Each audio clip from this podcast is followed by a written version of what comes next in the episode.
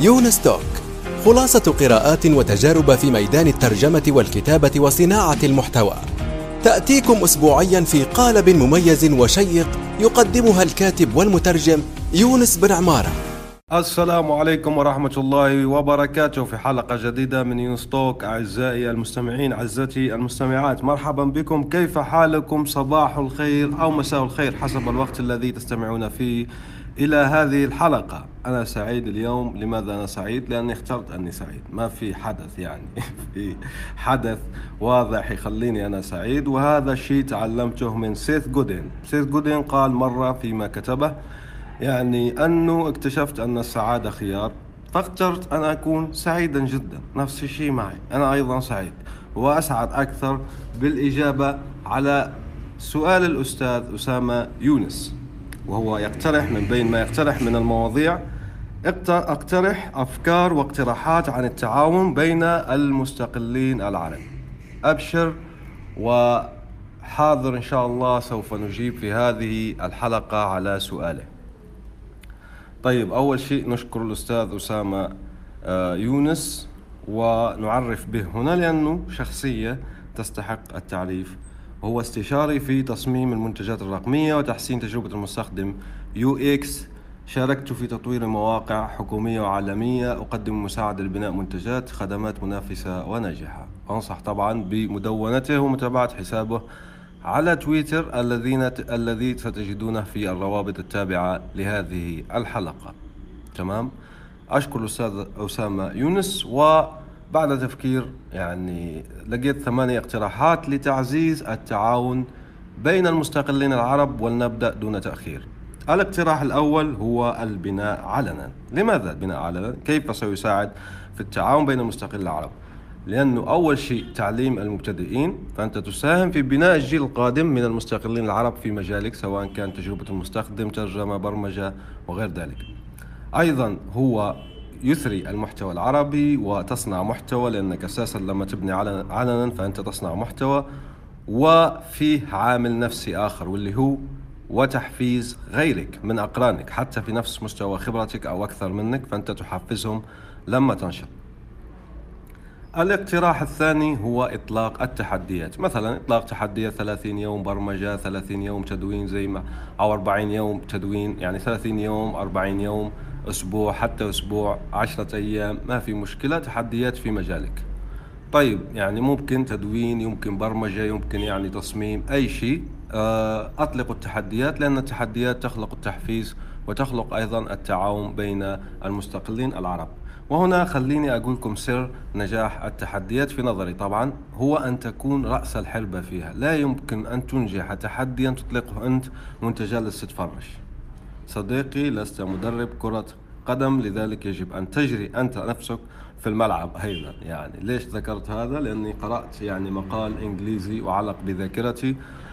أنه عهد تسلط المدربين في أمريكا في إحدى الرياضيات لا أدري هل هي يعني آه، رياضة الركبي أو شيء من هذا القبيل لا أدري. المهم في مقال أعلن عصر تسلط المدربين انتهى ولهذا علق بذهني فأخرجته في هذا يعني التسجيل. طيب فإذا بدون إطالة اختصارا التحديات 30 يوم 40 يوم وهي تسهم يعني في بناء اللحمة تمام؟ بناء اللحمة والتعرف على الآخرين. يمكن أنك أنت لا تعرف أصلا يعني آه، آه، شخص معين ومن خلال التحديات سوف يظهر وما إلى ذلك من فوائدها. المعروفة لذلك كن رأس الحربة لما تطلق التحدي يجب أن تكون أنت من ينفذه ولا تخشى إن تعثرت في يوم أو كذا. كن صريحا مع الآخرين أنك لم تستطع آه، تحدي بعد عفوا بعد يوم مثلا أو شيء من هذا القبيل. عادي فأكمل مما آه، توقفت فيه. وزي أنتم ما تعرفون تلك الصورة المشهورة جدا تبع القائد والمدير هو أن القائد بيركب المركبة والموظفين بيجروه معها وهم متعبين بينما القائد يجر معهم تلك المركبة وهي صورة مشهورة تعبر عن الفرق بين القائد والمدير. إذا نذهب إلى الاقتراح الثالث الآن وهو شكر الآخرين. وذكرهم وذكرهم ونسب الفضل لأهله ووضع روابط في مدونتك تؤدي لأعمالهم إعادة تغريد ومشاركة المنشورات وهذا ما نسميه اختصارا الدعم المعنوي. الدعم المعنوي اشكر الآخرين اذكرهم انصب الفضل لهم اعمل لهم منشن.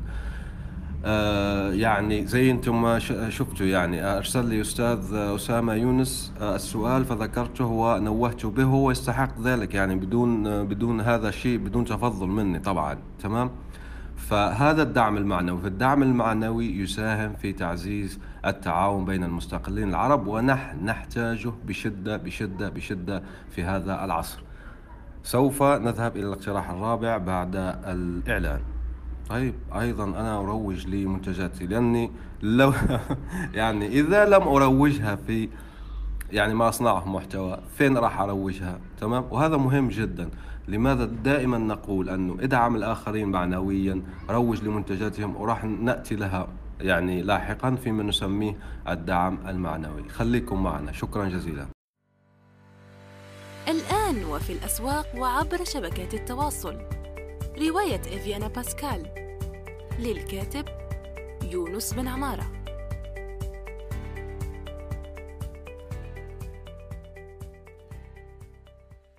طيب وصلنا الآن إلى الاقتراح الرابع وهو الدعم المادي. اشتري قهوة افتراضية للآخرين يعني تدفع لهم فلوس عبر موقع مثل Buy Me a Coffee يعني اشتري له قهوة افتراضية اشتري منتجاتهم اشترك في مجتمعاتهم المدفوعة مثل رديف اشترك الآن في رديف وادعم صناعة المحتوى العربي.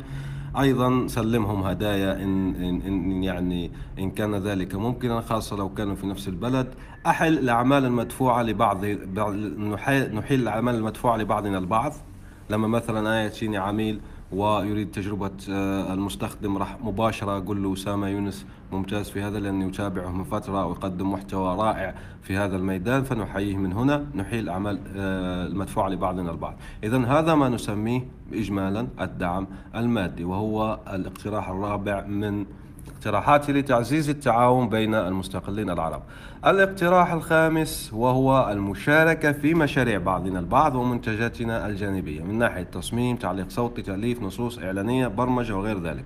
فمثلا أنت تجيد شيء والمستقل الآخر يجيد شيء يمكنكم الاجتماع وإخراج مشروع جانبي أو منتج جانبي لا يأخذ كثير جدا من الوقت وما في التزامات لأنه فن يعني مشروع مرح مشروع يعني تجربة يعني آه زي ما نقولوا عمل جانبي. وهذا ما قام به الأستاذ خالد الحراق نحييه من هنا معلق صوتي محترف من المغرب الشقيقة حيث قرأ بصوته الجميل وملكاته الاحترافية في التعليق الصوتي آه، رواية القصيرة أو يمكن القول أنها قصة طويلة المهجورون وسوف تصدر قريبا بصوته الرخيم وسوف تجدونها إن شاء الله على بودكاست يونستوك. وهذا مثال جيد جدا. إذا نشارك في مشاريع بعضنا البعض وفق المهارات التي لدينا لنثري آه، السوق العربي ونثري المحتوى العربي السوق العربي بالمنتجات والمحتوى المحتوى العربي يعني بالمحتوى الذي نشارك في صناعته معا.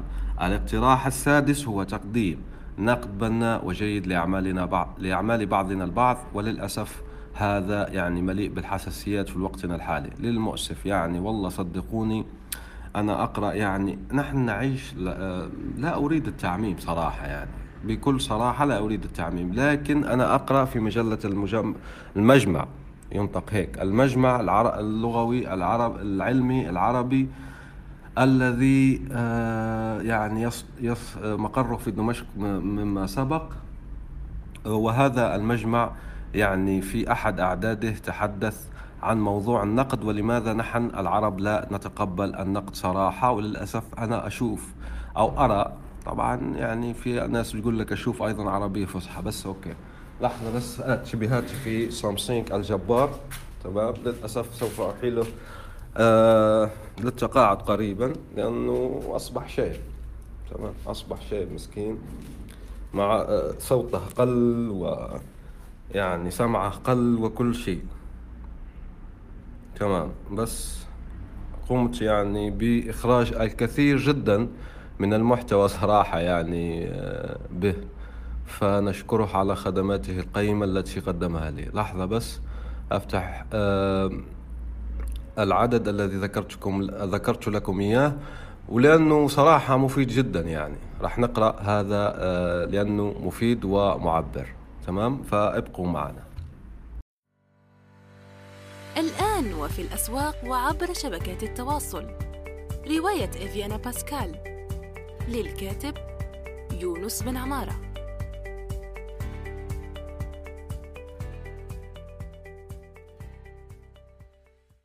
كما قلنا سابقا أن مشكلة نقد النقد وتقبله في الوطن العربي مشكلة عريقة وزي ما قلنا نقرأ في مجلة المجمع العلمي العربي دمشق كانون الأول سنة 1924 يعني المهم أرسل لي المجمع العلمي بكتاب اسمه المساواة بقلم مي آه، مي زيادة تمام؟ و آه، يقول فيه بخلاف النقد آه، والنقد اليوم جار كما لا يخفى على الطريقة الأوروبية لا على الطريقة العربية. والمراد بذلك أن الطريقة الأوروبية في النقد لا تنحصر في الاستحسان والتنبيه والإشارة إلى المحاسن وقيد الأوابد دون التنويه على مواطن الضعف والتساؤل عما إذا كان الأولى أن يقال هذا بدل ذاك أو لا.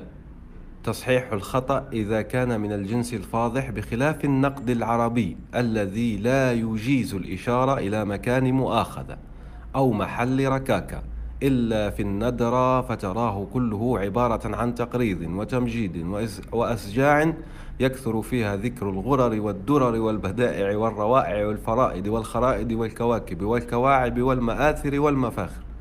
يعني نفس انقطع وأنا أقرأ مع جملة كم ترك الأول الآخر إلى غير ذلك مما ليس في الحقيقة بنقد بل هو محض ثناء وإطراء. ولا يؤخذ من ذلك أن العرب لا يعرفون النقد وأن هذه الصناعة مكروهة عندهم. كلا بل هم أمهر فيه من غيرهم وأغلظ قلبا وأرهف لسانا.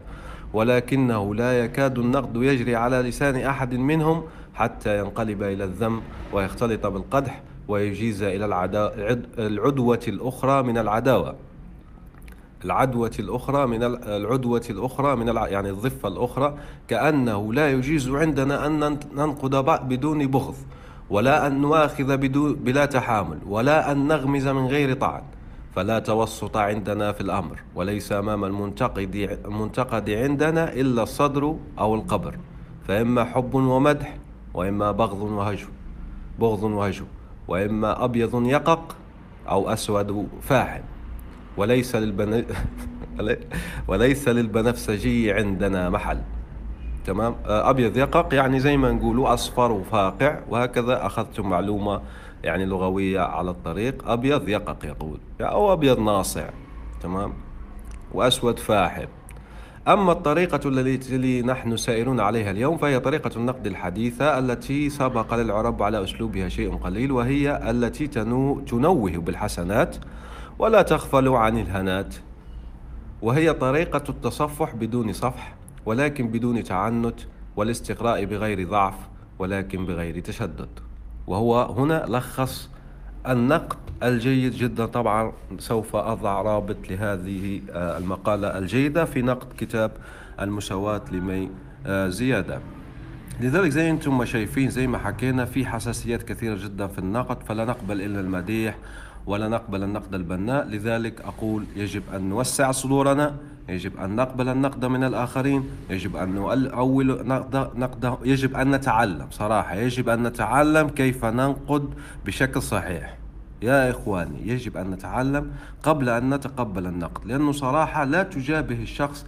ابدأ ابدأ افتح له نفسه أول شيء. ابدأ بأنه تشكره على أصلا قيامه بهذا العمل ثم ذكر المحاسن ثم ذكر ما لم يعجبك. تمام؟ فهذه أبسط طريقة للنقد بعد ذلك نطلب من الآخرين أن يوسعوا صدورهم وأن يقبلوا النقد من الآخرين. إذا لكي لا نطيل نذهب إلى الاقتراح السابع لتعزيز التعاون بين المستقلين العرب وهو التكثيف من عمل مساحات تويتر سبيسز تبع تويتر. وقبول المشاركة فيها كلما كان وقتك متاحا. نكثف من عمل مساحات Quora مجموعات فيسبوك قنوات مجموعات تليجرام Discord Slack أي شيء. في مجموعات في تجمعات في يعني يمكن ضم ألف إلى باء. نكثف من هذا. كثفوا بارك الله فيكم بالطريقة المناسبة لكم.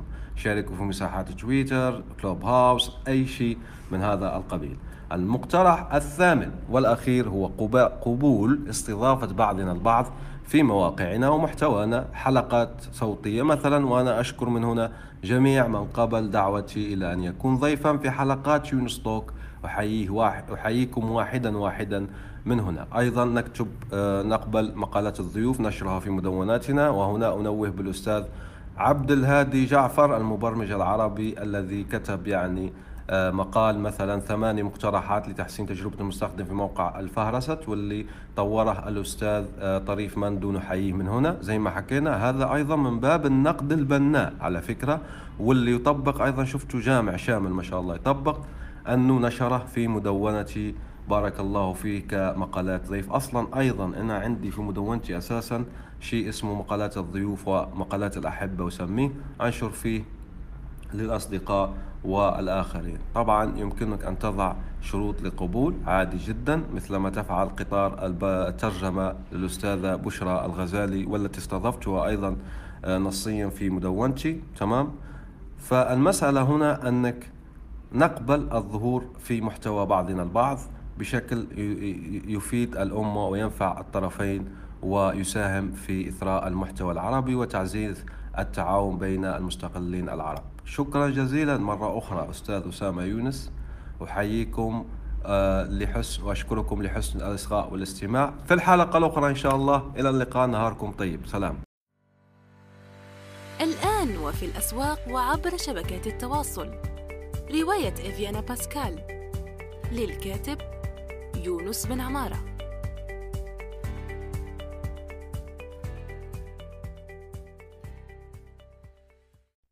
نأمل أن يكون موضوع هذه الحلقة قد نال استحسانكم. انتظرونا في الأسبوع القادم ولا تنسوا مشاركة الحلقات والاشتراك بالبودكاست. علما أنه بإمكانكم مراسلتنا باقتراحاتكم للتحدث عن أي موضوع يتعلق بالكتابة والترجمة وصناعة المحتوى.